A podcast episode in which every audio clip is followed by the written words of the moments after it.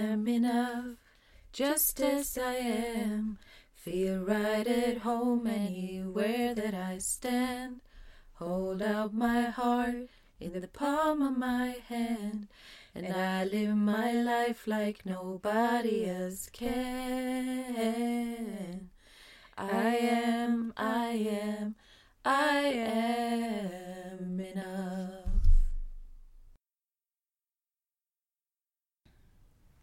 Hallå Jossan!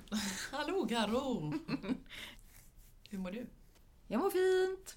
Hur mår du själv? Härligt att vara tillbaka i jobbmode igen. Mm. Eh, här på ditt kontor. Mm. Mysigt.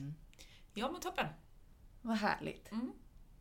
Hur har du haft det annars i sommar då? Superbra. Jag känner jättestor skillnad eh, mot hur jag kände förra mm, skolstarten, ska jag säga, förra terminstarten efter sommarlovet Mm. och semestern. För då hade jag i princip jobbat mer eller mindre hela sommaren. Inte haft liksom någon period när jag bara var ledig, utan var ledighet och jobb om vartannat hela sommaren. Så i år eh, bestämde jag mig för att vara helt ledig hela juli. Mm. Och det var magiskt. Det var så skönt. Det är så lätt att tänka som egenföretagare att man inte har råd att liksom försvinna iväg ett tag för att det är ingen som sköter företaget under tiden. Men gud vad man vinner på det själv alltså. Och faktiskt vara helt ledig ett tag. Mm. Och bara vara med familj och vänner och ja, men jag kunde vara mer medvetet närvarande i stunden på ett helt annat sätt. Så att eh, jag har faktiskt inte känt mig så överstimulerad och slut den här sommaren. Vilket man skulle kunna tro eftersom jag ändå har varit med familjen i tio veckor tror jag. Mm. Ja, För min man är ju lärare tid. så han är ju också ledig så länge. Ja. Det är Men, eh, underbart i alla fall. Ja men faktiskt. Eh, för där trodde jag nog att jag skulle känna mig mer så dränerad nu liksom och, och trött och slut. Men det gör jag inte. Och då hade vi ändå så två barnkalas i helgen. jag var trött de kvällarna visserligen. Men idag känner jag mig liksom ja, men redo att ta mig an en ny arbetsvecka igen. Det känns jätteskönt. Mm. Klokt. Ja, ja, men jag känner mig stolt och nöjd eh, att jag faktiskt gjorde det valet för mig själv. Mm. På tal om de där kalasen förresten som du berättade att ni hade. Där tycker jag du skrev jättebra tips på Instagram Tycker häromdagen. du? Ja, Mm. men tack. Det kan jag verkligen rekommendera att ni går in och läser. Just det här, hur kan man ha barnkalas som högkänslig förälder? Mm. Och till kanske högkänsliga barn också. Mm. Eller bara överlag. För det är oftast det- inte det man som högkänslig förälder känner sådär Yay, vad kul det ska bli, jag är så pepp. Ganska snarare att man blir så oh shit, hur ska jag orka det här och så många barn och tänk om inte det är tillräckligt bra och tänk om inte barnen är nöjda och du vet sådär. Men eh, nej, det funkade superbra och jag känner att jag, där är jag också tacksam eh, faktiskt att jag har ja, men, sänkt mina krav mer de sista åren. Mm. Jag tänker verkligen mycket mer good enough nu. Och jag, ja, men jag lägger inte ribban lika högt inför en sån grej som barnkalas. Det måste inte vara hembakat allting och man måste inte hitta på alla möjliga nya spännande lekar. Man kan köra sånt som de är vana att leka på fritids för då går det mycket snabbare för dem att komma in i det. Mm. Det, det funkar jättebra, flöt på jättebra. Det handlar väl mycket om att inte göra det till någon prestation heller. Nej men verkligen. Alltså att inte allt behöver vara perfekt Mm. eller att det inte behöver vara hembakat och Mm. handskrivna inbjudningskort eller eh, vad heter det, scrapbookade som du gjorde för några år Mm. Ja, sedan. Liksom, alltså, och, Nu kan jag ju Sådär. nästan tänka tillbaka på hur jag var då och bara, men hallå, hur tänkte jag? nej men du gjorde ju, du trodde ju att du gjorde det för att du tyckte det var kul. Mm. Det Det, tyckte ju- jag ju i grunden, men Ja. det blev ju en prestation. Exakt, och, Och då, då- blev det en stress. Ja, och det är ju som du och jag brukar prata om, när man går in i prestation då tar man upp sin barriär Mm. Och man blir inte lika förankrad i sig själv och det kostar mycket mer energi och man blir trött liksom. Mm. Det slutar med att man blir dränerad. Exakt. Nu hade jag barriären nere, kände så här, det får bära eller brista, det blir bra vilket som. Barnen är nöjda. Vi ställer fram glassbuffé, det tar två minuter att ställa fram. Jag Mm. skickar sms som inbjudan. Inga kort ens i brevlådan liksom. Nej. Så skönt. Ja. Så det, det gick superbra. Och sen var jag noga med att vila inför och efter. Mm. Sen kan jag rekommendera till alla att gifta sig med en idrottslärare. för det är kalas när man ska ha kalas. Han är ju van att styra upp liksom. Men eh, Ganska lustigt att du eh, är gift med en idrottslärare. jag vet. För du är ju i princip så långt bort från lagidrottsmänniska som jag kan tänka mig. Idrott överhuvudtaget. Eller ja, ja. Alltså just det där. Ja.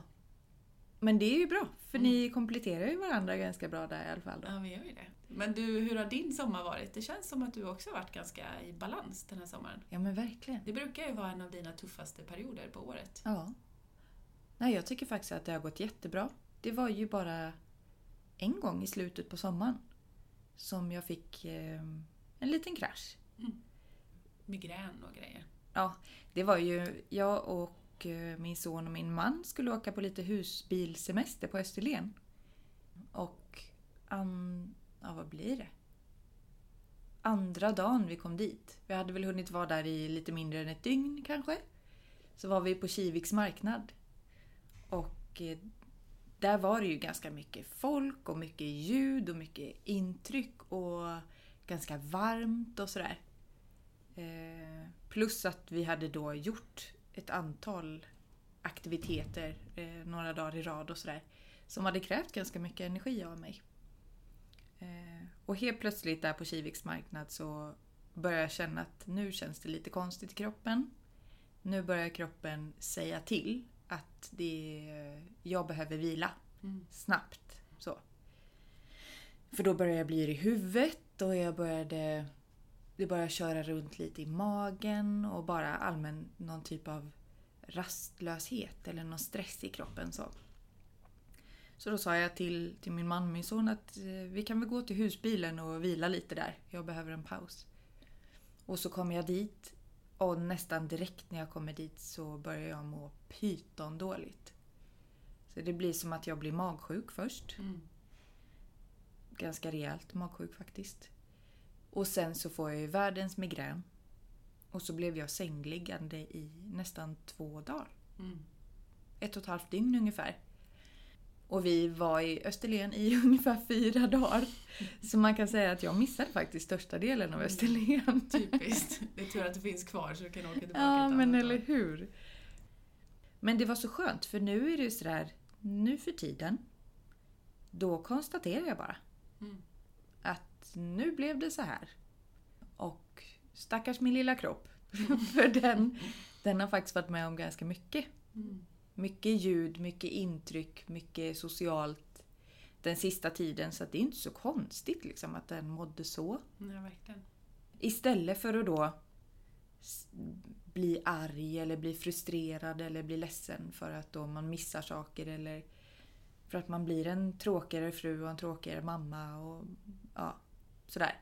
Så att eh, nej, det var ändå det var ändå skönt måste jag säga att, att det var liksom bara att gå igenom de där dagarna Mm. och sen släppa taget om det och gå vidare och försöka njuta av resten av eh, semestern. Det var väl nästan enda gången under hela sommaren som du mådde på det sättet. Ja, det var det. Det känns ju som att du med resten av semestern att du faktiskt mådde bra. Och du var ju med, vi var ju och campade med sex andra familjer va? Sex eller sju. Utanför. Helsingborg. Ja. Mm. Eh, och förra året när vi var där så var inte du med alls. Och i år var ju du faktiskt med några dagar. Jag vet, jag åkte ju hem i mitten av veckan Mm. i två dagar. Lite mer än två dagar. Åkte hem, var i ensamhet. Alltså jag var helt själv hemma. Bara var med djuren hemma, liksom. våra katter och kaninen och fiskarna. och var i trädgården. Och bara återhämtade mig. Och då var det till och med så att jag längtade tillbaka Mm, till campingen och Ja. tyckte att det var jättemysigt att vara där. Sen gjorde jag ju typ en tredjedel av alla andra saker. Eller av de sakerna som alla andra gjorde. Då stannade jag i husvagnen när de var på stranden, eller ni kanske jag ska säga. När ni var på stranden eller vid poolen eller sådär. Då kunde jag hålla mig hemma istället. Men det var också, det kändes bra. Mm. Jag var liksom återigen, inte du- rädd för att Du missa. fastnar ju inte i att döma ut dig själv som fel för det. Nej. Utan mer så här: okej, gör ni det, jag väljer det här för mig. Jag går och lägger mig och sover. Ja. Och så är det bara så liksom. Mm. Och det, var, det är ingen som säger någonting om det. Nej, verkligen inte.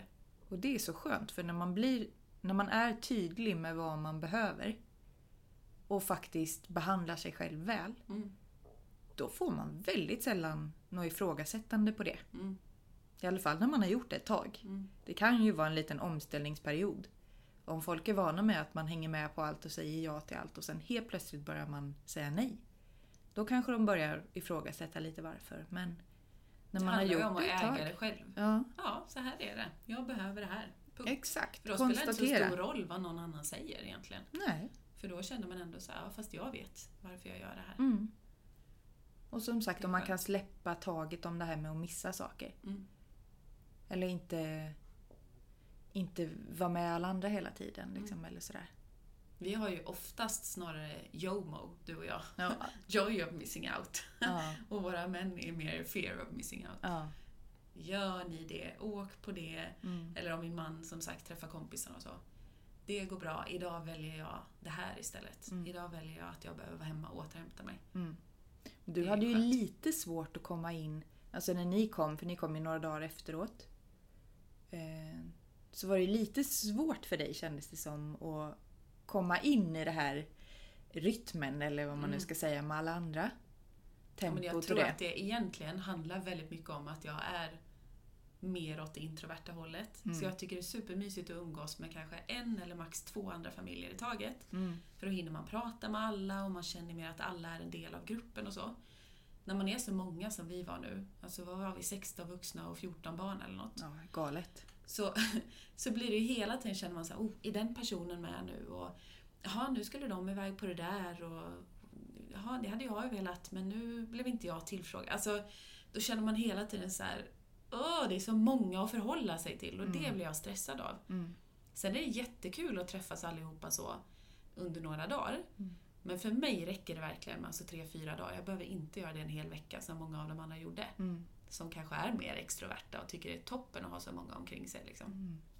Det var jag- väl egentligen mest första dagen va, som du tyckte det var jobbigt? Ja, och till och med grät en liten dagen. skvätt. Ja, Men Ja, sen jag kändes det det som tufft. att det gick eh, över eller vad man ska säga. Då hade jag svårt att landa och kände mig bara så här, "Uff, gud, vem ska jag prata med och var ska jag vara? Och, ja, då, då tyckte jag det var jobbigt. Mm. Men sen landade jag lite och då kändes det bättre. Mm. Men då får jag också komma tillbaka till det här hela tiden. Alla är olika. Det är inte mer rätt att vara så som de är. Mm. Jag är lika okej även om jag väljer att umgås med en eller två personer istället för tio. Liksom. Mm. Ehm, och i 90% av fallen så känner jag verkligen det också. Men sen kan det vara ibland, du vet, samband med mens eller någonting när man är lite extra skör. Verkligen. Då kan det där svaja lite ibland. Mm. Och det var ett sånt tillfälle, när det svajade till lite grann. Men idag, om vi då ska gå vidare lite. Idag ska vi ju få prata med Susanne Troff. Mm. En jätteinspirerande och klok kvinna. Mm. Och vi kommer ju behandla ämnen, alltså hon kommer ju prata om hur det kom sig att hon blev lärare fast hon själv var så skoltrött när hon gick i skolan. Skolan var inte alls för henne då kände hon. Ändå blev hon lärare. Hur hon som ung mamma, ung fyrabarnsmamma, kämpade med det här med, med krav, prestation, hinna med allt och sånt. Och just det här faktiskt inte stanna upp och känna efter. Utan bara jämförelse med alla andra. Hur mycket alla andra klarar av och orkar och sånt. Mm. Och till slut då dundra in i väggen kan man väl säga, två gånger. Mm. Det var ju det det ledde till. Och sen som över 50 upptäcka att man är högkänslig.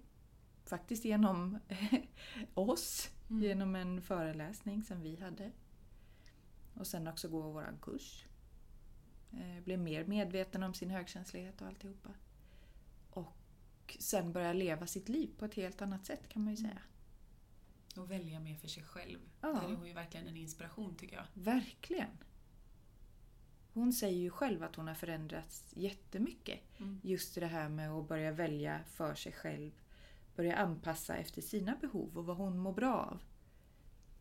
Och, um, ja, och vi pratar känslor. Pratar vilka känslor som inte var okej för henne att ha när hon var liten och hur det har påverkat henne Mm. genom alla år. Och sånt. Så att, nej, det, är- jag tycker det är mycket spännande vi hinner gå igenom Verkligen. i dagens intervju. Nej men då så. Den intervjun kommer här i alla fall. Håll till godo. Välkommen Susanne! Tack. Vad härligt att du ville vara med här. Ja, tack så mycket. Vi fick ju nästan tvinga med dig. Nej. Nej, Nej, det är hemskt. Du var Ja, lite tveksam i början. Lite så. Sen har det hänt så mycket så att Ja, men nu precis. äntligen. Varmt välkommen i alla fall. Kan inte du eh, berätta lite mer om vem du är? Mm, ja. Eh, eh, jag heter Susanne. Ehm, jag är en kvinna i mina bästa år just nu. Jag var en väldigt, väldigt orolig själ som tonåring och som ung. Skolkade väldigt mycket, var rebellisk, var punkare, ville inte så mycket. jobbade, började jobba ganska tidigt och, och hade ingen, ingen lust att plugga vidare och jag hade inte heller några förebilder som pluggade så för mig så jag tror inte ens att jag övervägde att man kunde gå på högskolan efter gymnasiet. Det fanns liksom inte. Så jag pluggade och så träffade jag min före detta man väldigt tidigt. Och vi blev sambo väldigt tidigt. Sen blev vi med barn och sen så eh, Sen var det liksom så här så jag jobbade på kvällar och jag jobbade på helger och så hade jag barn och så ja, så jobbade jag i industrin och jag jobbade som lokalvårdare och dagmamma och inom affär, allt möjligt sånt där som inte krävde någon utbildning. Och emellanåt så, så var jag mammaledig då, Mm. eller arbetslös i korta perioder. Och sen så när jag var 27, då hade jag fyra barn Oj, ham- och hamnade i en, en, en här livskris. Ska det vara så här? Mm. Ska jag, alltså för jag, ja, jag var väl trött på att hoppa runt och inte känna att jag hittade ett jobb som jag trivdes med och som eh, utvecklade mig. Jag var jätterastlös. Och då hamnade jag i en livskris. Den första liksom lite dippen så i mitt liv. Och då vet jag att jag sökte lite hjälp och stöd ifrån min mamma. Då tog med henne till lekplatsen och så satt jag på en gunga där och hon bara, vad är det med dig? "Åh, jag, jag vet inte vad jag vill, så jag, jag, är så, jag är bara ledsen hela tiden och det känns liksom bara som att ska livet vara så här? Ska det liksom inte hända något mer? Mm. Då hade jag ju liksom hus och Volvo och vovve och man och barn. Mm. det är liksom bara... äh. Och då säger hon till mig Nej, men nu får du väl rycka upp dig. Du har fyra barn att ta hand om. Kan du inte sitta här? och så då. Mm. var det bra det.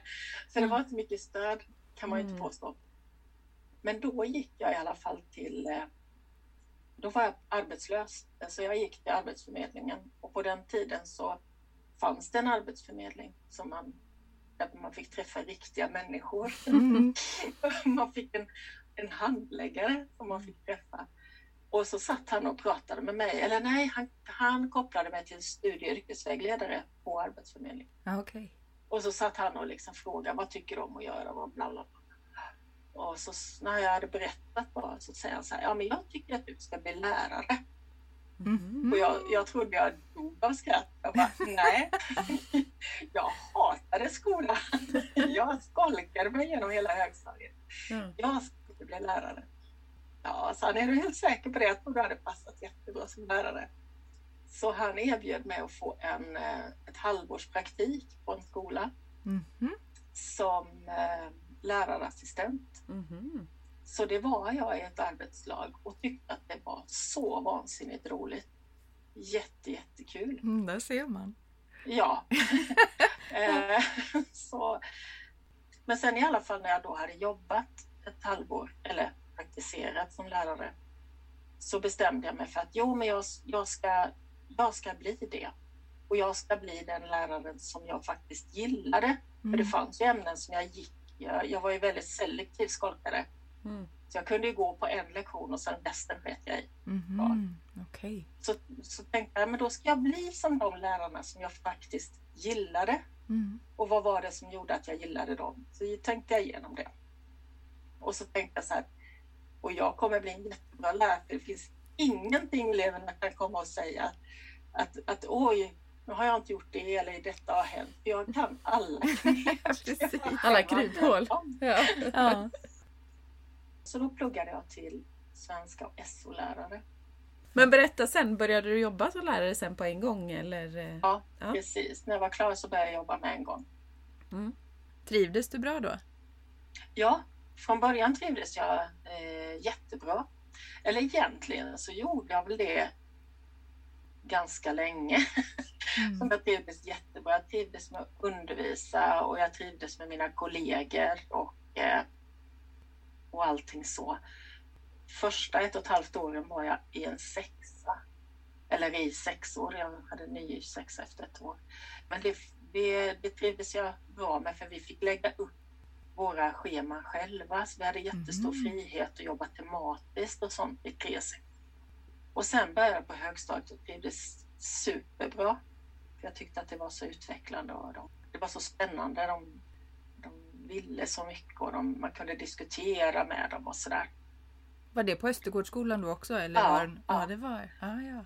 Det För det var ju det. där ni träffades sen va? Ja, ni det- jobbade tillsammans. ja visst, absolut. Mm, Precis, så ni lärde så känna var det. varandra. Ja, ja. Jag Ja. blev ju lite småkär i Susanne redan eh, då tänkte jag säga. Nej, men jag har alltid tyckt så mycket om dig. Ja, men det vet du, det har jag ju också sagt Ja. till dig. Att hade jag inte varit lagd åt det heterosexuella hållet. Så hade Karo Ja, haft en precis. eh, potentiellt friare där. Yeah. Ja, Och tvärtom. Ja. Ja, exakt. Nej, men då var ju du faktiskt min arbetslagsledare när jag jobbade som Mhm. först lärare och sen specialpedagog. Ja, just Tror jag det det. var. Och så Precis. var vi i samma, samma arbetslag där. Ja. Så var det och där jobbade vi tillsammans bara i några år ju. Ja. Men eh, det var kul ändå. Den Ja, det stunden det. det varade. När det var det. ja, det satte spår. Och sen så, så träffades vi ju igen ju när jag hade startat mitt företag. Och Mm. du hade fått anställning på Paradigm ja, precis. Var det ju. Jag har ju varit inne i väggen två gånger eller varit ut, eller utmattningssyndrom heter det väl nu för tiden. Och när jag hade varit det andra gången och kom tillbaks till Östergård så kände jag varningssignalerna ganska tydligt att, att det här var inte riktigt vad som funkade för mig längre. Att Mm. jobba som lärare, att jobba i den miljön och med alla nya krav som hade kommit. Det var så himla mycket mer dokumentation på bara några år Mm. och man skulle ha hängsle och livrem och jag kände mig så otillräcklig. Och jag kände att mycket av det jag gjorde och skrev, det var liksom bara för att man skulle ha ryggen fri. Mm. Inte för att det gynnade eleverna eller för att det ens blev en skillnad för eleverna. Nej. Och den liksom skillnaden då mellan vad jag ville göra och vad jag faktiskt kunde göra, det blev skitjobbigt. Mm. Och då kände jag liksom att jag blev allt mer arg. Mm. jag, var liksom, jag gick runt och var arg och frustrerad och, och, och sådär hela tiden. Och då tänkte jag, nej jag måste göra någonting annat. Mm. Eh, och jag hade ju varit ute och tittat på annonser liksom och tänkt att nej, men jag har ju den här utbildningen, jag kan ju bara detta och så. Känner jag igen. Eh, Check på den. ja. Ja. Mm. Men, så, men så hade jag varit eh, tillsammans, vi var ett tjejgäng som höll, höll ihop i många, många år och mediterade tillsammans och sådär. Och, och, och då när vi hade mediterat färdigt så satt vi alltid och pratade. Och så vid ett tillfälle så då var de väl lite trötta på mig för att det hade liksom vecka efter vecka när vi träffades bara lite, det här är så jobbigt och det här är så hemskt och det här är bla bla bla. Så då, då var det en av mina kompisar där så sa hon så här, ska du inte dra ett tarotkort? Mm. Så, Mhm. så får du lite vägledning. Mm. Ja, ja, det säger jag. Och så drog jag jag kommer inte ihåg det bra vad det var för tarotkort. Men hon tolkade det som att det betyder att du ska söka ett nytt jobb och du kommer att få det. Så nu är det bara att göra det. Hon kanske bara hittade på. Hon bara, jag orkar inte vara det längre. Det här betyder... Kunde inget om tarot liksom. Ja, ja, det här betyder att du ska byta Exakt. jobb. Det spelar ingen roll vilket kort du fick. Det är mycket, mycket möjligt att vi bara hittade på. Mm. Nej, det tror jag inte. Men, men i alla fall så blev det liksom någon sorts så här, för mig. Så när jag kom hem den kvällen så satte jag mig vid vid datorn och så tänkte jag, nej, nu ska jag titta efter jobb som jag vill ha och jag ska inte titta efter vad de vill ha. Nej, smart. Nej. Intressant. Ja. Då hittade jag ett jobb på ett projekt. Och egentligen så skulle man vara utbildad svenska som andraspråkslärare för att få det jobbet. Man skulle ha lite erfarenhet av projekt. Man skulle ha diverse saker. Mm. Och jag tänkte nej, skitsamma, jag vill ha det. Mm. Jag sökte det jobbet och eh, fick komma på intervju. Och då, jag hade ju inte varit på intervju på många år. Jag hade liksom inte fattat att det är ganska smart att ta reda på var är det jag har sökt jobb. Så man liksom, ja, Mm. sådär. Så när jag kommer dit och, och eh, Samuel då som han heter som eh, är förbundsordförande för samordningsförbundet som var de som stod för projektet. Han frågar så här. Och vet du vad samordningsförbundet är? Och jag bara, nej, jag har ingen aning. Det var ärligt i alla fall. Och så fick han berätta och jag bara, jaha, ja men det lät ju intressant. Och ja, ja, ja. Mm. Och sen så gick jag därifrån och så ringde de efter bara en halvtimme och sa att du får jobbet om du vill ha det. Wow! Oj! Eh, Så att jag var jätteglad. Du charmade Så då- honom totalt helt enkelt. genom outsägliga Ja, kanske. Ja, I alla fall så, så jobbade jag där i eh, vad jobbade jag? Två och ett halvt år ungefär. Mm. Eh, tills det projektet tog slut. Och det var jätte, jätteroligt och Mm. jättegivande och utvecklande. Och jag bara fick sån energi. Mm. Var det den som bara hade kvinnor va? Nej? Nej, Nej. det var inte det. Nej. men det, men i en grupp var det bara kvinnor, men det bara råkade bli så. Ja, okej. Men vi vände oss till alla. Mm. Så att, eh. Men sen så i och med det, när jag hade jobbat där så bara kände jag så att jag ska inte tillbaks eller till Östergård. Det, Mm. så jag sa upp mig. När projektet, man var tvungen att vara anställd för att kunna jobba i projekt. Så. Mm. Men eh, när det var slut så sa jag upp mig och så, eh, så fick jag ett annat jobb på ett utbildningsföretag. Och det funkade väl ett tag, men vi hade inte riktigt samma värdegrundssyn. Och då, så sa jag upp mig därifrån efter ett tag, ett par år. Och då hade det kommit ut en tjänst på Östergårdsskolan igen, fast på mellanstadiet. Okej. Och så tänkte jag så här, ja men mellanstadiet är kanske en annan grej för där sätter man inte betyg. Man har en klass och man, man kan liksom sätta lite grann mera sin prägel på den klassen och så vidare. Så jag sökte och fick det jobbet då. Och det var bara det att då, då hade de precis gjort om det till ett klasslärarsystem. Vilket inte jag fattade förrän i augusti när skolan började. Nej. Oj! Så jag skulle ha min femma då som jag var klassföreståndare eller mentor för. Och sen skulle jag ha en fyra och två sexor också. Mm. Det var inte Och riktigt det, var du hade tänkt. jädrans spring. Mm. Och då hade jag ju inte heller, alltså det var så länge sedan jag hade varit i skolan överhuvudtaget. Och jag hade aldrig jobbat med fyror och femmor någonsin. Så att det var, det gick inte kan man säga. Är det Och då stor... kände jag, Ja, vad sa du? Är det stor skillnad skulle du säga på att jobba i en fyra, femma eller sexa? Eftersom du Ja. hade jobbat i i sexor tidigare ju. Mm. Ja, det är väldigt stor skillnad. Mm. faktiskt. Ja, så att då, då kände jag att nej, nu håller jag på att gå in i väggen igen. Mm. Jag var så stressad. Mm.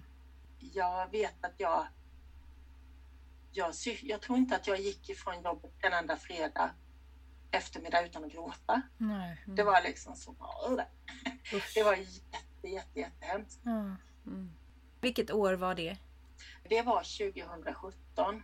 Just det. Var det. Mm. Den känslan är ingen rolig alltså. Nej. Åka hem från Nej. jobbet och bara gråta och känna sig otillräcklig. Och... Ja, precis. att det och bara klump funkar i inte. magen varenda Mm. söndagkväll. Ja. Usch, imorgon måste jag gå och jobba igen. Det, Ja, det håller ju verkligen inte i längden. Nej, det är inte roligt. Var det att du också längtade tillbaka till läraryrket som gjorde att du testade det här igen? Eller var det mer för att du kände att det här är det enda jag kan liksom, och är bra på? Nej, det var faktiskt för att jag längtar tillbaka. För att jag tycker just att, att undervisa kontakten med elever och oavsett ålder egentligen. det, det är väldigt, väldigt roligt Mm. och väldigt, väldigt stimulerande. Och du är ju Och det- också en fantastisk lärare. Det är ju Tack. så, det har jag sett. Ja. Mm. Ja, men, men det, var, det var ju liksom inte riktigt som jag tänkte mig. Men på höstfall så, så träffade jag och min nuvarande sambo på Samuel då eh, från Samordningsförbundet igen på hösten då 2017. Och så frågade han liksom så här, men hej och hur är det? Och, ja, och så berättade jag att, att jag är tillbaka i skolans värld, men det, jag, det, det, jag mår inte bra av det liksom. Och så säger han så här att ja, men vi har lämnat in en ny projektansökan så håll utkik. För går den igenom så ser du det i december och då tycker jag du ska söka den tjänsten. Mm. Ja, och de fick ju igenom projektet då. Och då så skulle jag söka eh, till det jobbet och det gick inte. Jag, jag hade ingen energi. Mm. Jag hade ingen tilltro till mig själv. Jag tyckte inte jag stämde in på någonting. Så, så jag, det gick inte. Så dagarna liksom bara gick och jag fick inte iväg någon ansökan. Och så satte sig då Simon, min nuvarande sambo, han satte sig ner och sa nej men nu, vi måste få iväg den här för du mår inte bra. Det här kommer gå pipsvängen. Mm. Så nu skriver jag och så intervjuar jag dig och så, och så svarar du bara. Och så skriver jag. Ja. Mm. Så att han, han frågade mig massa saker. Ja, men vad tycker du om detta? Hur skulle du göra i den situationen? Bla, bla. Och så skrev han ihop en ansökan Mm. Och gulligt. ja, som eh, jag skickade in. Och så fick jag komma på intervju. Först en intervju med massa olika, för det var ju olika brukargrupper som var inblandade och sånt där. Och den gick väl okej. Och sen hörde jag ingenting. Och detta var då i januari, februari 2018. Jag Hörde ingenting. Så tänkte jag nej, det blev inte. Och sen så ringde Samuel och sa Åh, ursäkta att det har tagit sån tid, men vi vill att du ska komma på en intervju till. Och då ska du få träffa hon som, har, som, som ska bli projektledare och han som är verksamhetsutvecklare, för de har du inte träffat innan. De behöver få veta vem du är. Okej. Och den enda tiden som det fanns att få en intervju, det var en fredag eftermiddag Åh nej, klockan två. när du var helt slut i vanliga fall. Mm. Oj. Jag bara, jajamän, det går bra. Mm. Och jag kom, och det hade varit, alltså mina fredagar på den tiden, jag hade fem minuters rast mellan och jag hade alla mina klasser på fredagar så det var liksom, mitt huvud var bara mos och, Och du- lunch. Och du var, det inte liksom- sjukskriven alls under den här perioden då utan du jobbade på hela Nej, tiden fast att du var så här på. slut liksom. Och inte Ja, orkade skriva precis. ansökan själv ens. Ja. Ja, nej, nej, så det var usch. Och då kom jag till den intervjun och det var katastrof. Jag bara, jag, jag är väldigt ledsen så jag, men jag är, jag är jättetrött jag vet knappt vad jag säger och, och du vet så här, jag bara svamlade och jag visste inte vad jag sa och, och intervjun var över ganska så snabbt. Och sen så skulle jag eh, gå på systemet efteråt och då träffade jag på Samuel där. Och så tittade han på mig och säger hej och sen tittade han på sin klocka och så sa han oj, det där gick väldigt snabbt. och, då, och då förstod jag att nej, det här gick åt pipsvängen. Ja. Och det, och det sa Ulrika sen som blev min projektledare och Fredrik, de sa det att det var den mest katastrofala Oj! Den var så kass! Så de bara undrade liksom, hur kom det sig att Samuel låter henne komma på en intervju? Nej, precis. taget. Satte som två frågetecken liksom. Ja, precis. Mm. Men, men på något sätt så sa han liksom att hon, hon är värd ge henne en chans och sådär. Så att under lite tveksamhet så, så fick jag jobbet i alla fall. Det var ju ändå häftigt trots en sån eh, inte superbra intervju. Men det var ju fint att han gick i god för dig då. Ja. Och det här var Paradigm då? Alltså det Ja, projektet? Precis. Ja. Mm. Ja, Och och, vad det var där det- sen som jag och Caroline fick chansen att Just jobba det. ihop igen. Och Mm. även du och jag ju. Ja, där har jag också varit och föreläst om Mm. högkänslighet ju. Mm. Mm. Vad gick det projektet ut på sen då? Vad var det du gjorde där när du jobbade där? Ja, det gick ju ut på att eh, hjälpa unga vuxna som hade eh, psykisk ohälsa. Mm. antingen eh, att man liksom hade sjukvården med sig eller att man själv upplevde Mm. att man hade psykisk ohälsa. Så man behövde inte ha några liksom, diagnoser, remisser eller någonting. Och sen så gick det ut på att rusta dem att, eh, och hjälpa dem ut fortsatta studier eller i arbete. Mm. Och många hade ju väldiga luckor för de kanske var hemmasittare när de gick i skolan och Mm. många som inte hade gått ut gymnasiet. Sen fanns det andra som hade påbörjat högskolestudier men hoppat av. Så att Mm. det, det var en väldig blandning men, men gemensamt var att det fanns ganska så mycket luckor om liksom det här vardagliga. Så att eh, då hade vi 15 veckor med dem i grupp där Mm. vi pratade om allt möjligt. Bland annat då Mm. hur man hanterar stress och Mm. högkänslighet. Mm. Marcus beskrev ju att, att paradigm var en av de bästa sakerna som hade hänt i hans liv. Wow, Ja. oj vad häftigt att få höra det. Ja. Vad kul. Att det hade liksom varit helt, ja. Mm. Det hade hjälpt honom att vända hans liv liksom sådär. Wow. Ja. Mm. Man Så önskar ju verkligen att det skulle finnas sådana projekt överallt och att det inte bara skulle vara liksom projekt under några år utan att det skulle vara något som pågår. Alltså att man kan fånga upp de unga som faktiskt mår psykiskt dåligt på ett eller annat Ja. sätt. Verkligen. Och liksom slussa in dem i, i arbetslivet och i liksom ett, ett liv där de faktiskt får må bra och få tro på sig själva och få, ja, få Absolut. bra. Liksom. Ja. Mm. För det är ju helt det- underbara människor. Alltså de Ja. deltagarna ni hade där. Jag, jag hade ju också, var ju där och föreläste för sex grupper eller något sånt där. Du var med i alla grupperna kanske? Jag var med i alla grupper. sex. Ja. Ja, ja, just det. Men det var ju helt underbara människor. Mm. ja, fantastiska människor. Ja, så att man bara, man bara önskar ju att fler människor ska få hjälp och komma Ja. ut och hitta sin plats. För Verkligen. det handlar ju verkligen så mycket om att hamna i rätt sammanhang och med rätt människor. Mm. Och få göra det Precis. som man, som man tycker om och som man är bra på. Ja, och inse att man är bra Ja, verkligen. på, på eh, olika saker och att man är bra som människa. Det var många som hade otroligt låg självkänsla och, och sånt där. Och bara då när man märkte att många av dem efter ett tag kände att ja, men jag är värd. Mm. Det, fantastiskt. det, det är okej att det går bra för mig. Mm. Det är liksom Hade du stor nytta av din lärarbakgrund och din egen bakgrund av att haft liksom ett komplicerat förhållande till skolan och skolkat och alltså så? Kunde du använda den, den ryggsäcken du hade med dig in i det här projektet? Eh, men jag kunde ju använda, ja jag har ju använt all, all min erfarenhet. Mm. Dels det här att man kan eh, att man, man, man kan vara så skoltrött eller man kan, man kan tycka att skolan är så fel så att man bara struntar i att gå dit. Och det är ingenting märkligt egentligen. och likadant att, att eh, ja, min bakgrund att jag hade jobbat med så många olika yrken var ju jättebra när vi pratade liksom framtid. Vilka yrken finns och Mm. hur är det egentligen att stå på löpande bandet från halv sju på morgonen? Mm. Vad, innebär ett sånt jobb? Och sen hade jag också jättestor nytta faktiskt utav att jag har varit utbränd två Mm. gånger. Och hela den resan så att ja, faktiskt allt. Mm.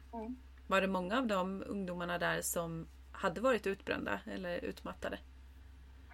inte så många som hade varit utmattade, men det var ju många som där man kunde relatera på olika sätt. För man, det som följer med en utmattningssyndrom, det här att man, att man, eller i mitt fall i alla fall, att jag blev så himla trött. Bara att gå och hämta posten var liksom ett, var ett heldagsjobb. Mm. Och det gör ju att man kan relatera till de som hamnar i en, en, en depression eller en, en sån ångestladdad situation att, att det faktiskt är det, behöver ju inte komma av att man har varit utbränd men, men man kan relatera till liksom effekterna av det. Mm. Kan tänka mig det. Så jag tror många av dem hade stressrelaterade problem eller någon typ av nästan som en utmattning i alla fall som kanske hade kommit från en depression eller hade kommit från ångestproblematik eller en jättejobbig bakgrund eller så. Att det helt enkelt hade blivit så tungt så att man till slut inte orkar mer. Så att Ja, sen kanske de inte precis. hade fått diagnosen utmattningssyndrom. För det kanske... Ja, de kanske hade blivit sjukskrivna för något annat. Men eh, jag upplevde ju att det var många att det var många som hade de symptomen i alla fall.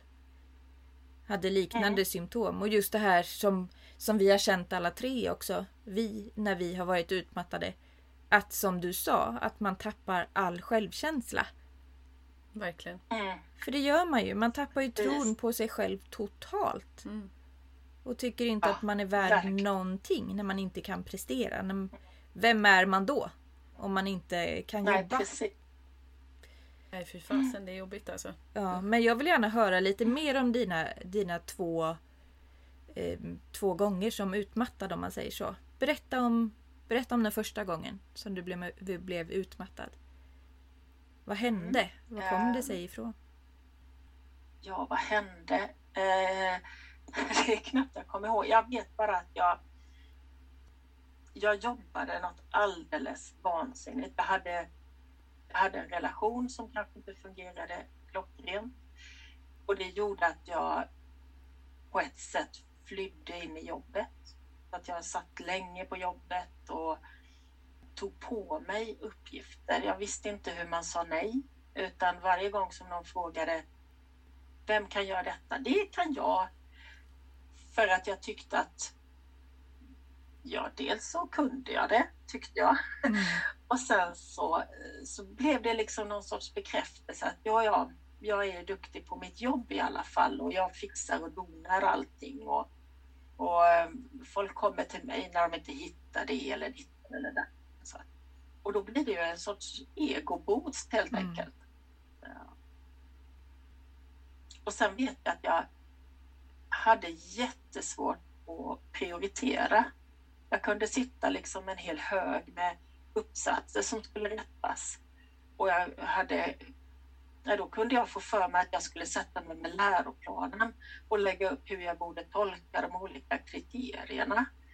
Och så snöade jag in på det och gjorde upp jätteinvecklade system Mm. Mm. för detta för att jag trodde att det skulle förenkla när jag sen rättade de här uppsatserna och så blev de liggande och så växte ångesten hög, liksom lika höga som skrivböckerna.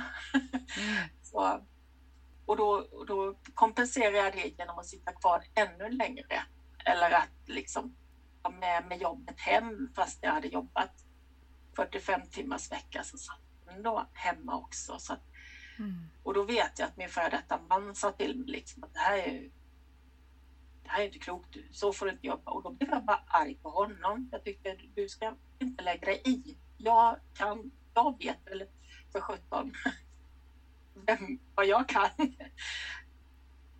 Men så var det en dag så satt jag vid mitt skrivbord och så kom det in en kollega och jag, jag satt antagligen och var helt, inte vet jag, manisk eller någonting. Och så kom han bara så la han handen på min axel och så sa han liksom, hur mår du Susanne? Och då bara brast det och jag bara grät och grät och grät. Så då hämtade han min rektor och rektorn bara, hur har du det egentligen? Hur, hur har du det liksom, ja, hur, hur har du det hemma? Sover du? Hur har du det här? Bla bla bla. Och jag bara grät, kunde knappt svara på någonting, bara nickade och skakade på huvudet. Mm. Så sa han, nu går du hem och du går till vårdcentralen Mm. och du blir sjukskriven. Och så ska jag ordna en samtalskontakt till dig. Och jag bara, ja, ja. Så jag, jag får väl gå hem. Och jag tror att detta var en torsdag, onsdag, torsdag, någonting sånt där. Och så var jag hos läkaren på fredagen. Och jag var helt, jag var liksom, jag behöver inte bli sjukskriven, så jag. Jag behöver bara vila i helgen. Jag jobbar på måndag. Mm. Jag var helt jag känner igen det. Ja. om att jag skulle tillbaka och jobba på måndagen. Mm. Men eh, hon sjukskrev mig i ja, två, tre veckor tror jag. Mm. Och jag tyckte det var liksom helt galet så länge jag aldrig varit sjukskriven. Och, ja, jag är ju inte sjuk och gud vad ska de tycka på jobbet? Jag är så misslyckad. Mm. Jag klarar inte ens av. Alla andra kan ju jobba. alla andra är jätteduktiga lärare och jag är så kass. Och, Usch, man känner verkligen så. Så kände ju exakt jag med. Mm, jag också. ja, Verkligen. Så det är nog väldigt vanligt att känna så tror jag. Jag tror det med. Mm. Och sen Vilket hade jag år var det här Susanne? Jag måste bara fråga. Vilket år var det? Eh, jag, nu har ju minnet blivit som det har blivit efter, men jag är ganska säker på att det var 2008. Okej. Ja. Hade Så du då hade jag jobbat barn som hemma också då? i fem år ungefär. ja, just det. Var era barn små också då? Nej, de var ju tonåringar väl? Ja, Okej. då. Mm. Mm. Hur länge var du sjukskriven till slut? Jag började arbetsträna efter typ tre månader någonting. Sen tog det hela den terminen innan jag... Så det var precis sista veckorna innan sommarlovet så var jag tillbaka på 100 procent. Mm. Men det tog mig liksom hela vårterminen där att successivt liksom Mm. 25, 50, 75 procent så. Det är nog klokt att inte trappa upp för fort tror jag. Det är lätt att man Ja. tänker att man ska tillbaka på något sätt. Liksom. Så fort som Precis. möjligt. Men eh, det är ju trots allt en pers för både kroppen och psyket att hamna i utmattning. Alltså det tar ju så mycket av en. Mm. Och som du sa nu att du märker att minnet inte är liksom helt på topp. Märker du av några liksom har du fått några biverkningar jag på säga, men har du fått några sådana, vad heter det? Bestående men. Bestående men ja. Efter den här Ja, utmattningen. absolut. Mm. Det har jag. Ja, Det är dels det här med minnet. Mm. Att jag har jättesvårt att komma ihåg vissa saker. Det värsta är att jag har jättemycket minnesluckor från när barnen var små och växte upp. Mm. Det är liksom saker som, som är jättestora egentligen. Att de har genomgått operationer och grejer som inte jag kommer ihåg. Det är liksom, Mm. det är väldigt, ja, bläckvis borta kan man säga. Kan du liksom förlåta dig själv för det eller har du klandrat dig för det? Ja, det är klart jag har klandrat mig. Mm. Det gör ju också att jag, vilken urusel mamma jag är. Jag kommer inte ihåg mina barns barndom. Mm. Eller att de ens har blivit, eller att min ena son har blivit opererad och att han blev opererad två gånger för samma sak för att det inte blev riktigt rätt första gången. Mm. Och, men vi har pratat om det, han och jag. Eh, och han bara, jo, för jag sa, jag, jag vet inte vad jag liksom blev. Mm. Och han bara, nej du var inte med för jag vill inte ha dig med, men du erbjöd dig att komma och hämta mig. Och jag sa att jag skulle ta bussen och då, då fick jag pengar så jag skulle köpa en glass i alla fall medan jag väntade på bussen. Och jag har absolut inget minne av det. Mm. Nej. Eh, Men tror du att det kan ha varit... Alltså var du väldigt stressad un- under deras barndom eller under deras uppväxt också? Ja, absolut. Det var ju inte så att det kom så. Nej. Utan det var ju, det hade antagligen hållit på i många, många år. Det här att jag skulle vara så, jag tror att delvis kanske det var för att jag blev mamma så tidigt. För jag fick ju min äldsta son när jag var 21. På min 21-årsdag föddes han. Oj! så, och då var man ju liksom, alltså som ung mamma då, så har man ju på något sätt massa fördomar mot sig. Att man inte klarar av så. Och då skulle jag ju överkompensera det. Så jag skulle ju vara dubbelt så präktig som alla andra i princip. Så när mina barn växte upp så, jag tror inte vi köpte mer än två brödkakor på 20 år. Liksom. Vi bakade allt bröd själva, gjorde all mat från grunden. Hemmet skulle vara städat och snyggt. Hunden och barn. Alltså, på något sätt allting skulle vara så bra så att ingen skulle kunna komma och säga att usch, du är en dålig mamma för att du, är, du var så ung. Mm. Eller för att du inte har någon utbildning, för det hade jag ju inte heller. Och, Stannade Att du jag- upp någon gång under alla de här åren och liksom kände efter så här, hur mår jag? Vad behöver jag? nej, nej, inte Du en bara enda gång. dundrade på i 110 med fyra Ja. Mm.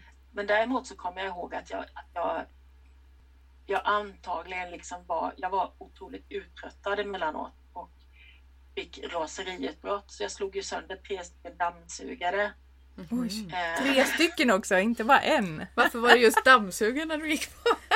Var aggressionerna över? Ja, jag blev så arg när jag städade för att jag, ja, jag vet inte. Så jag liksom dängde in dem i väggen om inte det var tillräckligt med, eller så de, de, de hängde inte med mig tillräckligt. Jag håller med, man kan bli arg på dammsugare som är bångstyriga. precis.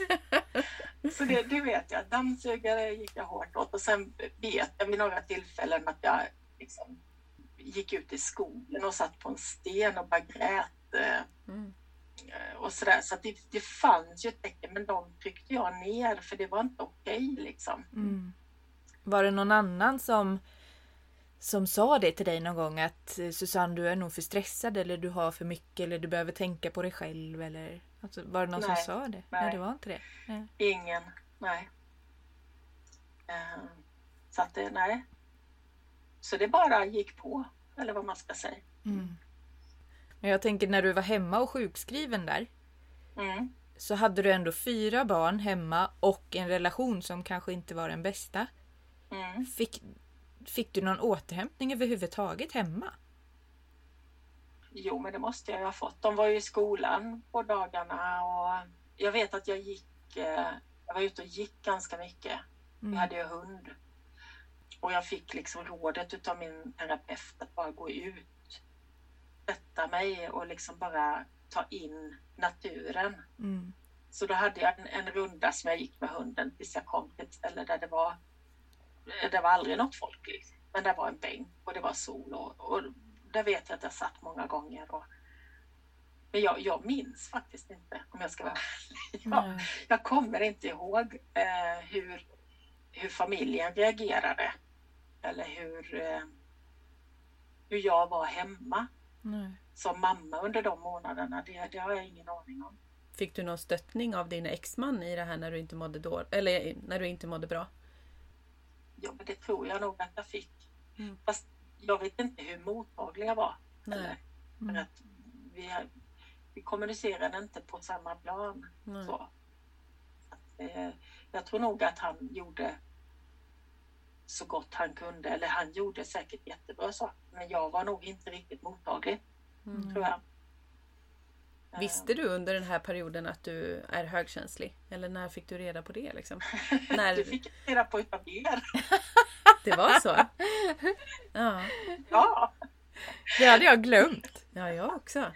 ja nej, men det var ju första gången som du var hos oss på Paradigm Jossan och berättade och jag bara, nej men gud, klick, check, check på den, check, check på den. Intressant. Ja. Och så, så vet jag att du sa till mig efteråt, Caroline, att ja, men det har jag vetat länge. Ja. Smartass! Nej jag skojar. Ja men just det. Vad kände du då när, när jag berättade om det och du kände igen dig? Alltså, kändes det som en lättnad eller kändes det jobbigt? Eller vad, vad fick du för känsla? Nej, då tyckte jag faktiskt att det kändes som en lättnad. Mm. Det blev liksom en, en, eh, en förklaring på varför jag hade varför jag inte var som alla andra, varför inte jag kunde vara som de här som jag liksom såg upp till, som bara fixade allting och som var jätte, kunde jobba 40 timmar och sen ha gäster hemma på fredag och lördagen och åka iväg på söndagen. Och, Duracellkaninerna. Mm. Vad sa du? De Duracellkaninerna. Det, Precis! liksom, det tog aldrig slut på energin. Nej, Mm. Så att, eh, nej, jag tyckte det var jätteskönt för då kunde jag liksom ja, vila på något sätt i att ja, men det är fullständigt normalt för en person som jag. Mm. Mm. Just det. Eller hur? Du gick ju våran kurs sen också. Jajamän. Någon av våra första omgångar sen vi hade kurs i stresshantering för högkänsliga. Ja, Ja. och det var jätte, jättebra. Var det det? Ja. Ja, Vad tog du med dig från den? Var det liksom känslan av gemenskap eller var det att få mer förståelse eller verktyg eller vad gav den dig? Eh, Nej, men det var nog känslan av, av eh, gemenskap. Mm. Jag tyckte det, var, det gav så mycket. Att vi var en sån liten grupp och mm, man pratade. Sen var det naturligtvis kunskap också, men vid det, vid det laget så hade jag ju dels lyssnat på er flera gånger och jag hade läst och liksom Mm. så jag kände nog att jag hade ganska så bra grepp om det. Utan det var mer det här att wow, där sitter vi i det här rummet och alla är likadana. Alla liksom, vad var och en berättade så, så kunde man liksom bara, "Ah, det där kunde lika, det där har jag gjort eller varit med om. Eller det kunde lika väl ha varit jag. Mm. Mm. Just den känslan att inte vara ensam och inte, inte vara ett ufo. Utan det, Eller att det är väldigt vanligt. Så det, det var jättehärligt. Det är ju väldigt häftigt ändå. När vi har de här kurserna och retreatsen och alltihopa. För det blir ju väldigt personliga delningar. Mm. Det är ju väldigt mm, alltså, modiga deltagare får vi väl säga ändå.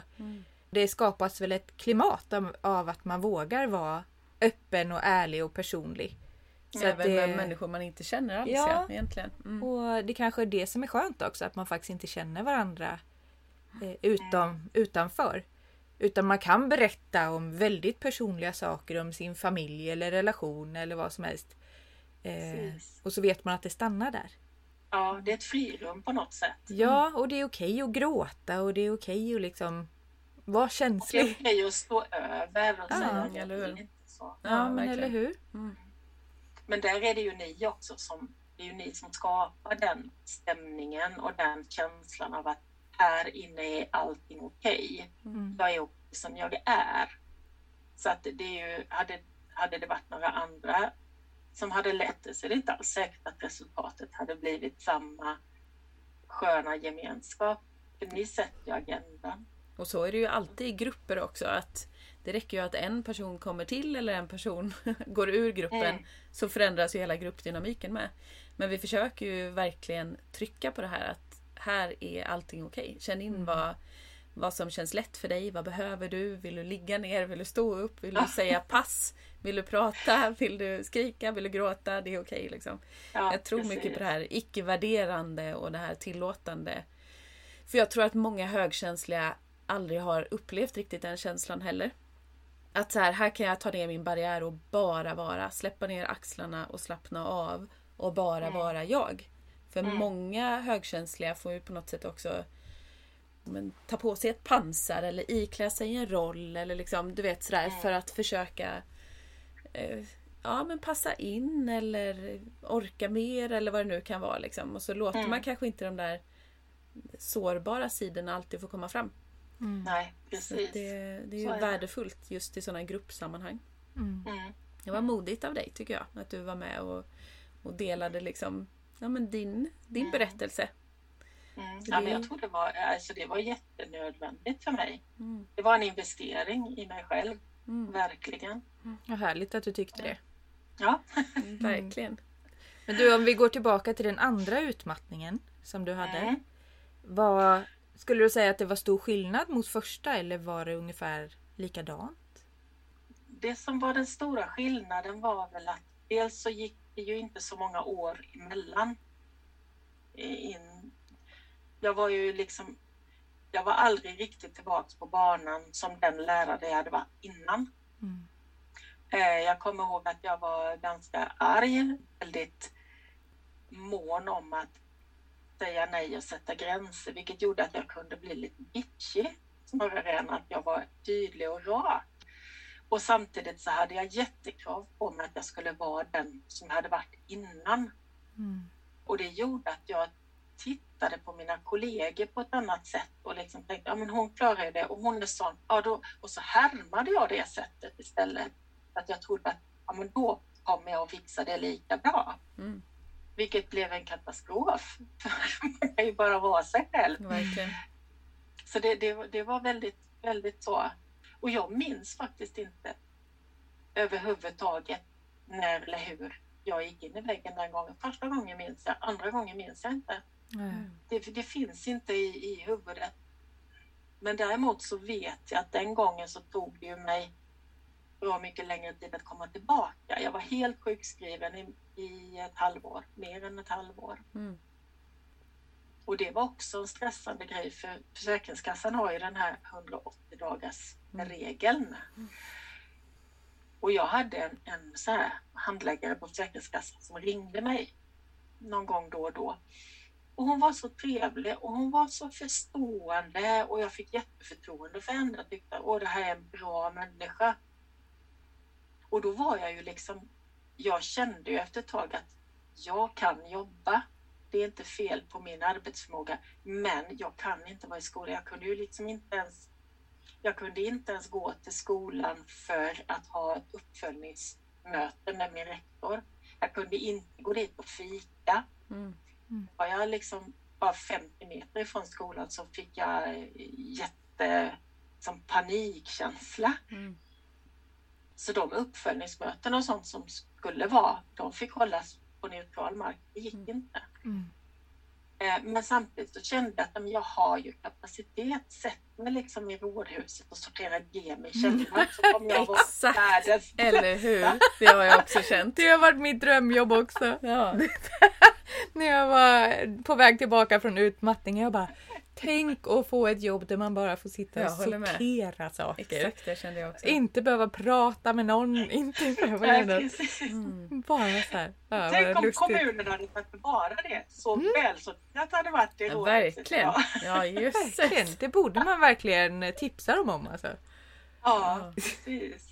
Så att, eh, men då vet jag att då, då ringde hon mig och frågade liksom, hur är det? Så sa jag att jo, men jag känner ju att jag skulle kunna jobba om jag bara hade ett jobb som utgår ifrån mig. Jag kan inte jobba med barn, Mm. eh, men jag skulle kunna. Och då, eh, då blev det liksom utlåtandet att jag kan jobba. Mm. Så att då fick jag antingen så eh, går du tillbaka och jobbar i skolan eller så får du säga upp dig.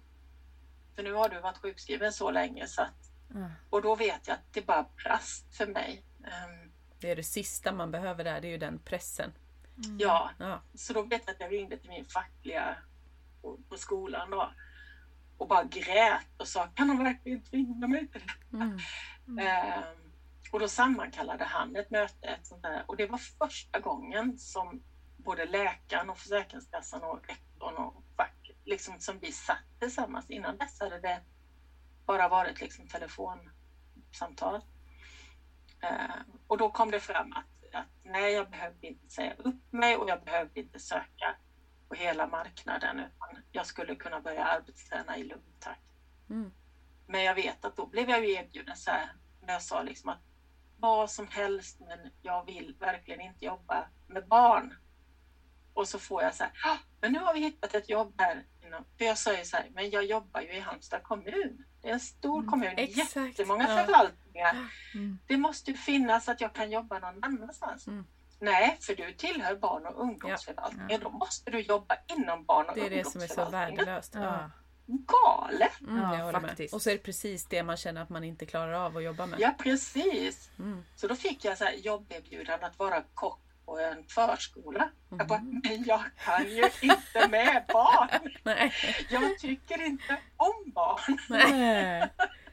Nej, just då när man är så känslig Ja. mot ljud och mot intryck och Ja. mot liksom alltihopa det där och bara behöver gå in i sin egen bubbla. Då är inte jobba med barn det bästa. Alltså. Nej, det är verkligen verkligen inte. det. Nej. Nej, Man orkar inte det. Jag håller med dig. nej.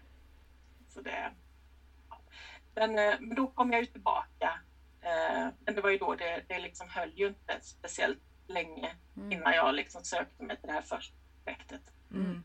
För att jag var ju inte jag var ju inte redo att gå tillbaka. Och jag, nu vet jag, nu har jag ju varit tillbaks igen då på mellanstadiet, nu vet jag att jag ska ju aldrig tillbaks till skolan igen. Nej. För det, det blir inte bra för mig. Inte mig heller Nej. tyvärr. Nej. Tyvärr är det ju så otroligt många lärare och förskollärare som hamnar i utmattning.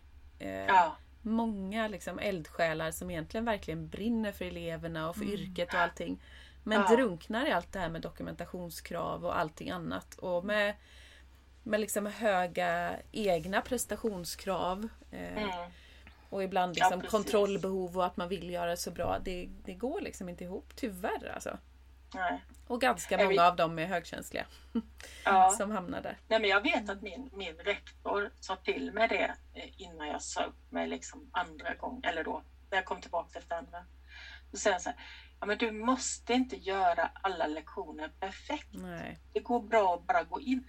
Och för mig så att gå in och, och göra liksom eh, Mm. bara en medioker lektion, det- då kunde jag lika väl skita Exakt, det fanns inte ens på kartan. att Nej. jag- på något sätt så kändes det som att hon tog ifrån mig den jag var Mm. på något vänster istället för att säga okej, ja men du är en bra lärare, vi, jag tror på dig. Vi, vi gör dessa anpassningarna Mm. så, så klarar du av att undervisa. För jag vet att jag bad om att få slippa vara mentor till exempel. Mm. För att det tog så mycket energi. Som, ja. Men då var det, nej men du tänk istället på att du behöver inte vara så himla bra varje gång. Ja, det var liksom, ja men vem är jag då? Nej, exakt. Ja, men plus att jag tycker det är taskigt att säga så. För då lägger man helt plötsligt ansvaret bara på individen. Mm. Eller för jag har också Ja. hört likadant från, eh, från rektorer. Liksom gör... Sänk dina Ja. egna krav. Verkligen! Gör good enough. Ja. Ta inte på dig allting. Nej, Nej. men vad gör jag då när liksom eleverna eller barnen kommer och drar igen och man måste säga att jag har inte tid med dig. Liksom. Hur bra känns det Precis. i hjärtat? Nej. Nej, jag tycker inte det är rätt att säga så. Jag tycker Nej. att eh, då får man ta ett gemensamt ansvar. Då får rektorerna komma in och säga också att, att det här kan vi göra som sagt för att anpassa din situation. Eller vad kan vi- behöver du? Vad behöver Ja, du för att det ska kännas bättre? De här arbetsuppgifterna kan vi lyfta ifrån dig. Mm. Ja, Det här ja precis. mindre. Liksom. Mm. Eller någonting, ja. Mm. Men hur skulle du säga att ditt liv har förändrats då efter, alltså om du jämför med den du var innan eh, utmattningsperioderna och den du är nu? Hur jag har har, du blivit förändrats? en bättre människa. det, det, så, så paradoxalt är det ju faktiskt Ja. att jag är tacksam Mm. över att jag har haft de perioderna och att jag har eh, behövt och jobba så mycket med mig själv Mm. på olika sätt. Eh, för jag är, och, och sen så när jag blev medveten om det här med högkänslighet att jag är liksom inget ufo för att jag tycker så. Jag måste, jag måste inte anpassa mig. Nej. Utan jag kan faktiskt säga att nej, jag orkar inte Mm. med detta. Eller eh, kan du vara snäll och sänka musiken för att jag fixar inte det. Eller Mm. sådär. Mm. Ehm, Börja sätta men, gränser liksom. Vad sa du? Ja, börja sätta gränser. Ja, precis. Mm. Så det är någonting jag har lärt mig, att jag sätter mina gränser eh, och försöker att inte ha dåligt samvete.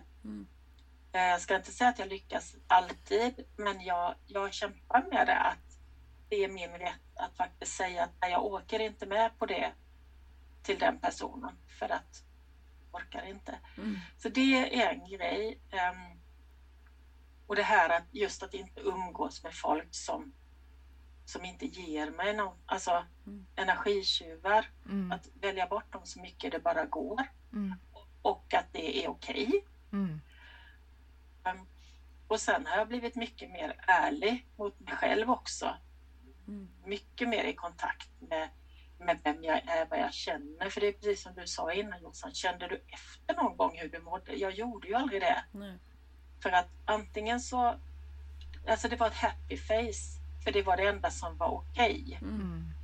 Så att allting annat, det, det var liksom bara grumligt. Det tog mig flera, flera år innan jag kunde liksom skilja på ehm, sorg eller rädsla eller Mm. ilska. Ilska eh, vet jag knappt fortfarande liksom kan känna. Och då har jag ändå slagit sönder tre dammsugare. Jag menar det. Ja. Har ja, ilska varit särskilt svårt för dig att uttrycka? ja, Ja. det har det varit. Det har varit jättesvårt. Vad handlar det om då? Tror du? Eh, nej, men jag tror att det, att det är mycket som liksom ligger långt, långt tillbaka i tiden.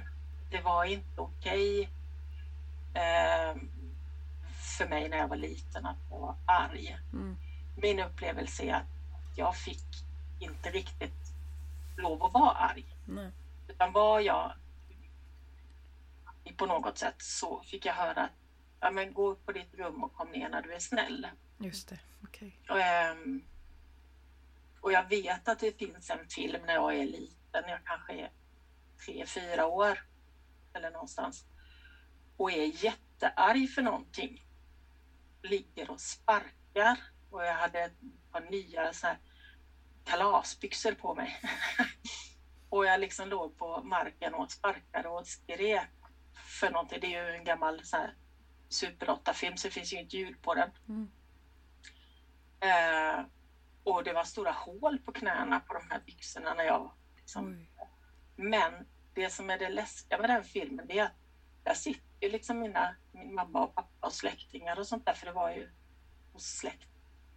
Och de liksom tittar på mig så här, ler och skrattar och sådär. Mm. Eh, Så jag vet inte om det var liksom någonting som kanske var ganska vanligt när jag var liten. Att om jag uttryckte min ilska så blev det någonting som var lite roligt för andra. Mm. Eller så fick jag liksom gå ut. Jag tror, eh, eller det är, min, det är min tes i alla fall, att det ligger ganska långt tillbaka. Mm. Så du kände aldrig att du fick liksom någon varken utrymme eller eh, stöttning eller verktyg på något sätt att hantera din ilska då? Att faktiskt Nej. få låta den få Nej. ta plats? Nej. Precis. Jag kan liksom inte, jag kan inte själv komma ihåg att jag var arg som liten. Eller som... Mm. Så att, eh, inte vad jag minns. Hur har det påverkat dig sen då under livet? Eh, jo, men det har ju påverkat mig genom att jag inte har satt gränser. Mm. Eh, och genom att jag liksom inte har tagit upp jobbiga saker. För att då förstör man stämningen. Mm, Just just det. Så är man Eh, Så då tar man det på sig istället för att tänka, ja, ja, om jag eh, inte låtsas om det så blir det säkert bättre. Eller om jag ja, skojar bort det. Mm. Eh, sådär. Gömmer sig liksom bakom ett leende eller ett skratt. Eller Mm. ja, låtsas som att problemen egentligen inte finns. Eller att det här inte var jobbigt för mig. För att skulle jag säga att "Nej, men jag tyckte inte om när du sa så, jag blev ledsen eller jag blev sådär. Då skulle den personen kunna bli arg på mig. Mm. Och att någon skulle vara arg på mig, det är ju det värsta som kan hända. Mm. För att, och, och det är nästan, alltså jag vet inte hur jag skulle reagera ens nu. Mm. För jag vet att det, det är ju inte många år sedan när jag blev riktigt arg. Då blev jag ju ledsen istället. Mm. Mm. Kom ut som liksom tårar och så blev jag ömklig. Fast jag egentligen bara lust att liksom säga Eller hur? tycker jag. Och Mm. vara sådär hård och bestämd och jättearg. Men istället så blir jag liksom, så kommer tårarna, så Mm. blir jag liksom, skäms jag för det. För att det är inte det jag vill uttrycka. Nej, exakt. De ligger ju så nära till hands också de känslorna. De Ja, ligger så nära varandra. Ja. Ja, de gör ju det. Nära varandra. Att så här, ja, fast man är arg så kanske man börjar gråta eller Så sådär. blir man så arg på sig själv istället då. ja. Och bara varför Precis. gråter jag nu? Jättedum timing. Jag vill Ja, bara precis. vara arg. Verkligen. Ja, Jag känner igen det där också. Från tidigare i mitt liv. Ja. Men jag tror också att alltså det, det är nog många som har varit med om det där att det inte är okej att bli arg eller inte varit okej att bli ledsen. Så fort någon har gråtit kanske, eller så, så fort man har gråtit så är det någon som kommer och säger sluta gråta. ja. Eller du vet, inte låtsas om det. Och jag tror att alla sådana känslor som inte får lov att komma ut, eller man ska säga, de trycker man ju ner. Och så kommer det ut som som eh, verk eller som ångest eller som andra grejer. Mm. precis. Så att eh, ja, jag försöker vara jättenoga med min son och säga att alla känslor är okej. Mm. Att alla känslor Precis. är lika viktiga. Ja, precis. Sen har ju vi lite skrikterapi med varandra ibland också. Ja. när vi, ibland när vi jobbar ihop. Och vi märker så här, Åh, det, är något, det är något, jag känner av något i energin från dig idag. Hur är läget liksom? Nej, men jag vet inte. Det, det känns jobbigt i kroppen, jag är frustrerad och så här. Ja, men behöver du skrika lite? Ja, det behöver jag. Håll för öronen. Ah! Och det är så skönt. Det är så jäkla skönt att få skrika av sig för att då Mm. lättar den där känslan och så bara ah, du vet, så känns det lättare på andra sidan. Mm. Eller gråta. Eller gråta, absolut. Om man har gråt i sig. Jag brukar fråga min son har du, har du gråt i dig? Brukar jag säga ibland när han är så här, när det är något som är jobbigt i kroppen. När man märker på honom liksom att det är någonting. Han är lite bråkig och sådär. Så brukar jag fråga honom så här. Har du gråt i dig eller har du skrik i dig eller något som behöver komma ut? Mm. Eh. Mm. eh, eller att man får gå ut och kasta ägg i marken liksom eller slå i någon kudde eller något när man, när man verkligen har den här frustrationen. För det kan ju vara det kan ju vara flera händelser eller många händelser som har skapat de där känslorna i en. Mm, Mm. Ja, men ofta är det ju det att det byggs på och byggs på. Sen Ja. är det, li- det kan ju vara något jätte inte farligt som blir den utlösande. Många gånger är det ju så. Mm, Ja, verkligen. Men verkligen. Men det, det är härligt och man lär sig det där. När man kommer på det att får man ut det, mm, alltså låter man det få komma ut som skrik eller gråt eller vad det nu behöver vara. Så känns det lättare sen. Liksom. Då känns det Mm. bättre. För mig är ju musik den katalysatorn. Om jag känner att det är, du vet, att jag känner mig lite så här vemodig eller något som känns så här sorgset eller jobbigt men jag kan inte riktigt gråta. Då Mm. lyssnar jag ju på någon musik som berör mig. Och då Ja, blir det ofta mycket lättare att så här, släppa taget om det där. mm, Så att man får hitta sin grej som gör att så här, man puttas över kanten till att okej, det är de här känslorna som behöver komma ut. ja, ja, Men du kanske precis. ska testa lite skrikterapi hemma ibland då, när du känner dig frustrerad på något. Ja, exakt. Vad tycker du är de största fördelarna med att vara högkänslig? Nej, men jag tycker nog att det är att jag har ganska så lätt att, att känna av eh, stämningar, känna av hur människor, ja, hur de mår. Det tycker, jag, det tycker jag nog är den absolut största fördelen. För sen önskar jag att jag hade kunnat orka lyssna på musik till exempel eller eller titta på tv med högt ljud någon gång när det är någon spännande film eller sådär. Mm. Men jag fixar inte det Mm. riktigt. Ehm, Det kanske också är, liksom, hör ihop med utmattningen och det. Att det har blivit ja, det ännu har ju, mer ja, liksom precis, så att, att du inte klarar av. ju det. Mm. Ja.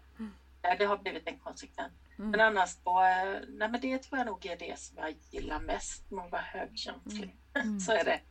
Eh, Att jag kan känna av liksom innestämningar och ehm, När använder du dig av det? För många kan ju uppleva också att det kan vara något av det tuffaste med att vara högkänslig. Att de känner av så mycket från andra för att de påverkas av det och tar in den personens känslor själv. Och att man blir liksom uh, så här, du vet, dränerad på energi eller att det känns jobbigt för att man tar över någon annans energi och känslor. Eh, Men det kan ju precis som du säger också faktiskt vara en väldig tillgång och styrka. Men när använder du dig, dig av det? Eller liksom i vilka situationer kan du uppleva att det är en styrka eller en tillgång för dig? Nej men det är i mitt jobb absolut. Mm. Eh, när jag träffar mina deltagare nu, för nu har jag ju ett sånt jobb så att jag, jag bestämmer ju väldigt, väldigt mycket över min egen tid. Mm. Och bestämmer hur många deltagare ska boka in, när ska jag boka in dem eller ska jag ta det via telefon. Alltså jag har jättestor frihet. Skönt. Eh, ja, och det gör ju att, att jag... Eh, eh, ja, när jag då träffar en deltagare så känner jag liksom, ja, så här är det. Eller när någon ringer på telefon och jag kan direkt känna, Mm. nu är den arg för någonting och så. Och då kan jag bemöta det Mm. på ett sätt. Det, det kan säkert alla andra också, men, men jag känner att det är en styrka i alla fall. Mm. Att, eh, och likadant eh, liksom här hemma. Jag kan känna liksom in att oj, oj, oj. Nu eh, har min sambo lite väl mycket på jobbet. Och så kan jag liksom gå in och så kan vi prata om det. Så kan jag liksom, man säger, bjuda in till lite prat. Mm. Mår du egentligen och ska vi gå ut och gå? Mm. Eller som nu när min, när min styvfar precis så känner jag att jag kan liksom läsa av mamma och stötta henne i hennes sorg Mm. och, och att det är okej. liksom. Mm. Och jag tror att jag har jobbat ganska mycket. Innan var jag mycket som du säger Jossan, när jag tog på mig det Mm. eh, och, och kände precis det som den personen mitt emot mig känner.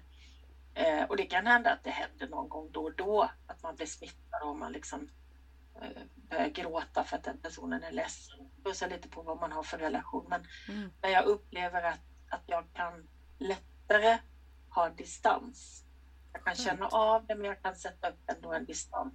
Det är du och det här är jag. Mm. Mm. Så det, men det är working progress kan man säga. Mm. Hur har du gjort för att, att komma fram till det att du behöver hålla den distansen? Alltså vad har du använt dig av för, för verktyg eller liksom bredvid dig där. Hon som sitter bredvid mig. Ja. Jaha, Mm. va? Du har, ja, du har hjälpt mig Caroline. Ja, ja. Ja, det har du. fint. För jag har pratat om detta. Jag vet att jag, när du har varit på jobbet då, nu när vi jobbade på Paradigm och du var där. Och så i pauserna så pratade vi om annat och sånt där och så Mm. kom det fram och så, och så kom det, men tänk på att du är du och den personen är du. Mm. så här, små tips då och då och som bra. är jättevärdefulla. Mm. Vad Lite härligt. Påminnelser ibland om att just så här, du är du, den personen är den. Ja, precis. du behöver man inte behöver inte ta vara känslokall för att man inte börjar gråta när någon annan Nej, gråter. verkligen inte. Mm. Nej. Men vad härligt att du faktiskt har kommit dit. Att du kan Mm. hålla isär mer. Eh, liksom, ha hand mer om dina känslor och ditt mående och inte behöva ta över alla andras.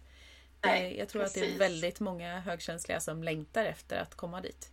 Mm. Eh, så att då skickar vi dem till Carro. Nej, jag skojar. Ja, ja, men precis. Välkommen, välkommen. Det tycker jag är bara inspirerande. Jag vet att vi ska avrunda men eh, för du och eh, din nuvarande sambo har ju levt som särbo under en väldigt lång tid. Och jag vet att du trivdes väldigt bra med det. Ja, Ja. det Eh, gjorde jag. men nu har ni flyttat ihop i Malmö och så sa du det nu när vi började podda att nu sitter jag inne i mitt rum för jag har ett eget rum här. Eh, Precis. ja, berätta, vad, vad betyder det för dig att ha liksom ditt egna space när man bor tillsammans med någon? Ja, ja, men jag måste ha det. Mm. Ehm, jag... ehm, vi pratade jättemycket om det innan vi flyttade ihop. Jag var supernojig Mm. att flytta ihop. För att jag, jag kände liksom att nej, då kommer jag försvinna igen. Jag har byggt upp mig själv nu som, som den jag är. Men flyttar jag ihop med någon så kommer jag falla tillbaka i gamla mönster. Mm. Och jag kommer liksom bli uppäten och jag kommer, min identitet kommer bara försvinna. Jag kommer behöva anpassa mig i allting. Mm. Så det vet jag att, att, eh, att vi sa. Och nu är det ju så att han är, jag, jag är ju ganska övertygad om att även med samma högkänslig, vilket underlättar. Mm. Eh, så att vi, hade, vi bestämde det redan från början att ska vi flytta ihop så, så måste det vara minst en fyra.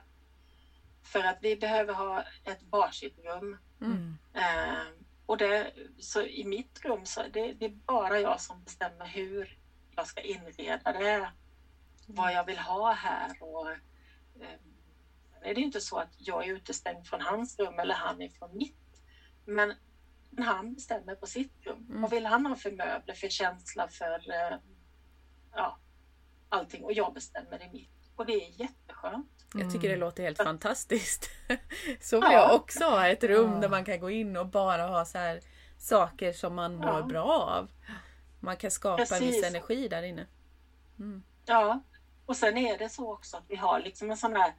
Eh, har han dörren stängd till sitt rum så går ju inte jag in dit. Nej. Respektera varandras gränser. Om Liksom. han sitter och jobbar och har dörren stängd Mm. och klockan liksom drar ut för mycket på kvällen, då går jag dit och knackar på och säger nu får du sluta jobba. Mm. För det är en överenskommelse vi har gjort. Men, Mm. men går han in dit, säger vi, för att sitta och läsa eller skriva eller måla eller någonting. Mm. Då är det liksom en sån här tyst överenskommelse att då går inte jag dit. Mm. Samma sak nu, sitter jag ju här med dörren stängd och då vet han att nej. Mm. För den står ju alltid öppen annars, då är det välkommen och då får vem som Mm. helst komma in. Men Ja men eller är hur. den stängd så är det ju av någon anledning att jag behöver min space. Mm. Så jäkla inspirerande måste jag säga. Verkligen. Jag tror att det Mm. är många som kan bli inspirerade av det. Faktiskt att det är viktigt Mm. att, eh, att liksom, ja, men respektera varandra, sätta gränser, känna in vad behöver jag för att må bra? Hur Mm. kan jag skapa det? Hur kan jag skapa ett sånt space för mig själv? Sen är det kanske inte alla som har möjlighet att skapa ett eget rum eller så, men man kanske kan ha någon lite vrå någonstans eller på något Ja. sätt göra någon överenskommelse om att det Ja, här, precis. här behöver jag få gå undan för nu behöver jag bara få Ja, liksom, precis. ha mitt Ja, men det kan ju vara en sån enkel grej som att om jag går in i sovrummet och stänger dörren så betyder det att jag behöver vara själv. Mm. Och det är inget hot emot vår tvåsamhet Nej. utan det är faktiskt eh, tvärtom. En investering egentligen. Halleluja! Ja, jag håller med. Ja. Verkligen. Ja, så klokt. Ja. Du, tusen tack för idag Susanne. Ja, det var tack. så mysigt att prata Tack med dig. själva. Verkligen. Vad Ja. härligt. Ja, sköt om dig. Ja, detsamma. Mm. Mm. Då. Ha det gott. Hej, hej. hej då.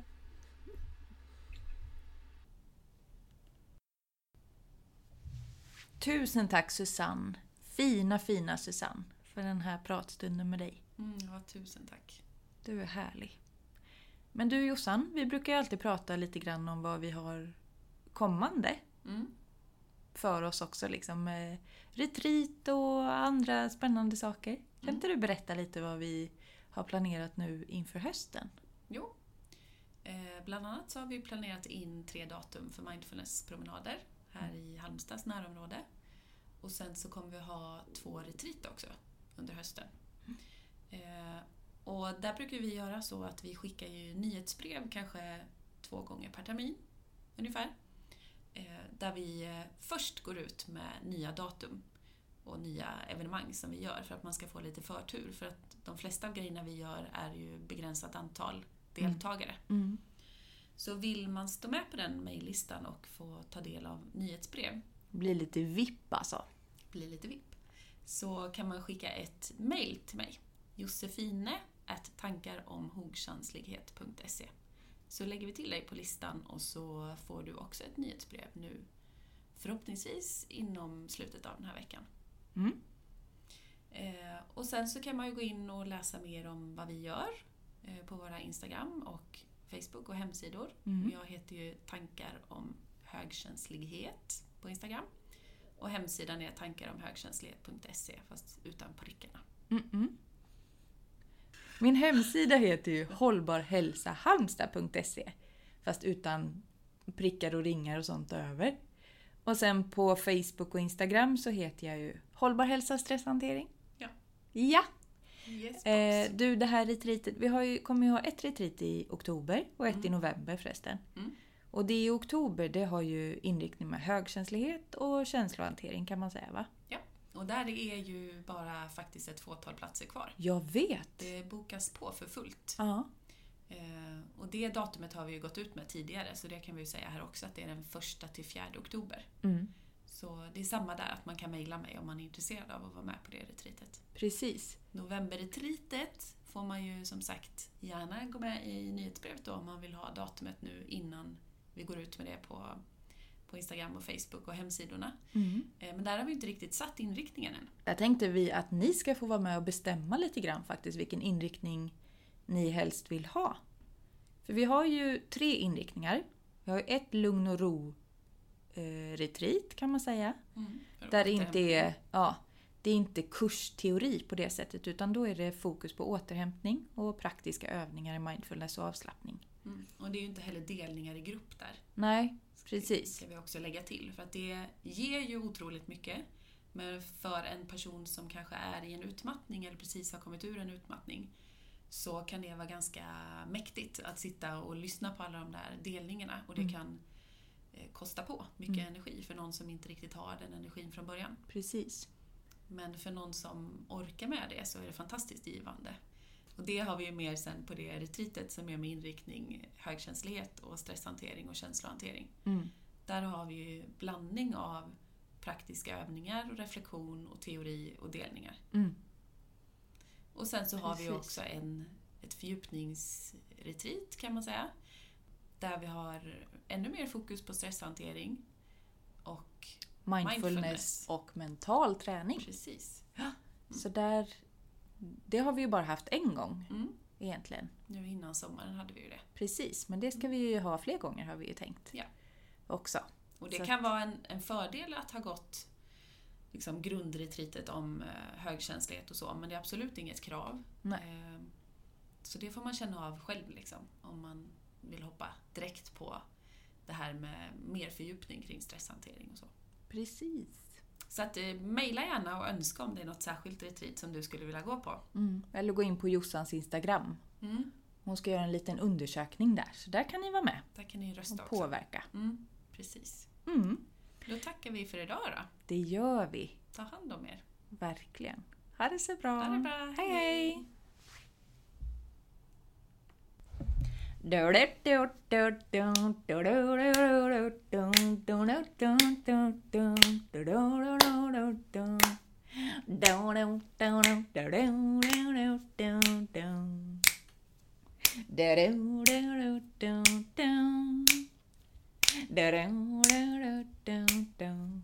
down, down, down, down, down, down.